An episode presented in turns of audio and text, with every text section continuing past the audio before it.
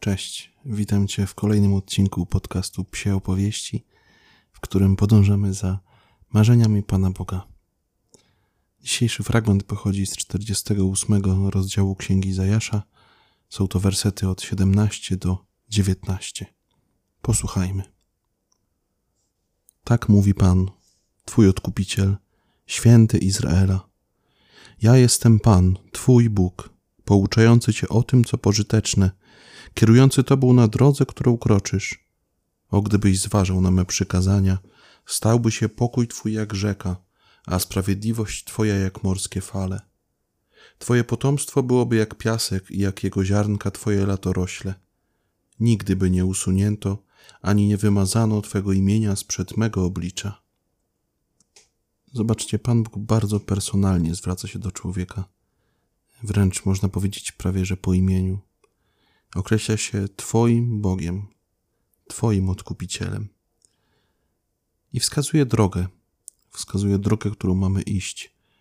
On jest Bogiem, który chce mieć wpływ na nasze życie, na drogę, którą kroczymy, na każdy nasz dzień. I zwraca on uwagę na jedną rzecz że często nasze nieszczęścia wynikają z tego, że odchodzimy od Bożych przykazań.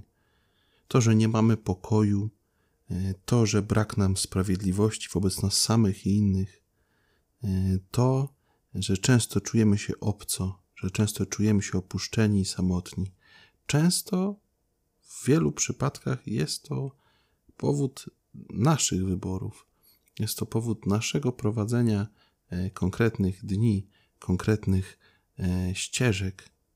I tutaj Pan Bóg po raz kolejny stawia przed nami bardzo konkretny wybór.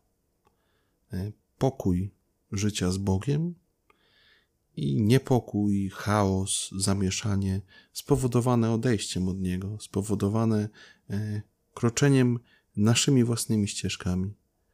I ten wybór w pełni należy do nas. I Pan Bóg rysuje nam konkretną wizję co stanie się, kiedy tak prawdziwie z całym sercem za nim pójdziemy.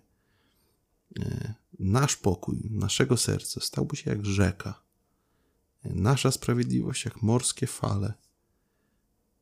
Pan Bóg chce nam zapewnić szczęście, chce nam dać szczęście w sobie. No właśnie, prawdziwe szczęście możemy znaleźć tylko wtedy, kiedy poddamy się przestrzeganiu Jego przykazań.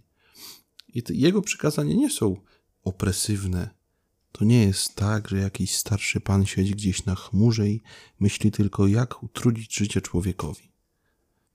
On jest Twoim odkupicielem. On Cię pierwszy ukochał i ze swojej miłości pokazuje Ci drogę, którą masz iść. I często widać porównania e, dziesięciu przykazań, na przykład do muru, który jakby ogranicza człowieka i zamyka go w jakimś, na jakiejś wąskiej przestrzeni. Ale ja bym bardziej porównał go do takiego e, falochronu czy bariery, która, która jest przy brzegu morza i która chroni idących e, właśnie tym brzegiem, aby nie spaść na przykład w przepaść, nie spaść ze skały, z klifu. Tym są często przykazania Boga. One chronią nas przed nieszczęściem, przed brakiem szczęścia. A co jest naszym brakiem szczęścia? Największym nieszczęściem człowieka jest to, jeśli żyje zupełnie bez Boga, bez Jego obecności w swoim życiu. Kiedy człowiek się tej obecności wyrzeka, bo Bóg nigdy nie zrywa swojego przymierza, to my ze swojej strony odcinamy tą linę, e, można powiedzieć, podcinamy gamość, na której siedzimy i bardzo często kończy się to bolesnym upadkiem pełnym huku. Bóg naprawdę lepiej od nas wie, co jest dla nas dobre.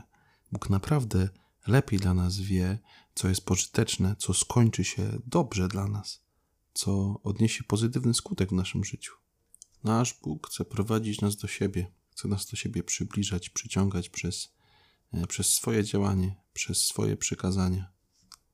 Nasz Bóg chce, abyśmy na zawsze już e, zamieszkali przed Jego obliczem, abyśmy się zjednoczyli z Nim w wieczności bo tylko On jest godzien naszej czci, naszej uwagi, naszego zainteresowania. Tylko On jest godzien oddawania Mu chwały. Powoli dobiega końca kolejny już tydzień Adwentu.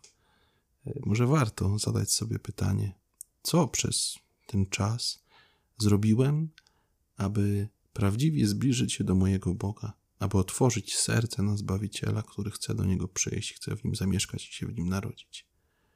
Co takiego zrobiłem dla swojego własnego zbawienia? Dziękuję Ci, że byłeś ze mną w tym wyjątkowo krótkim odcinku.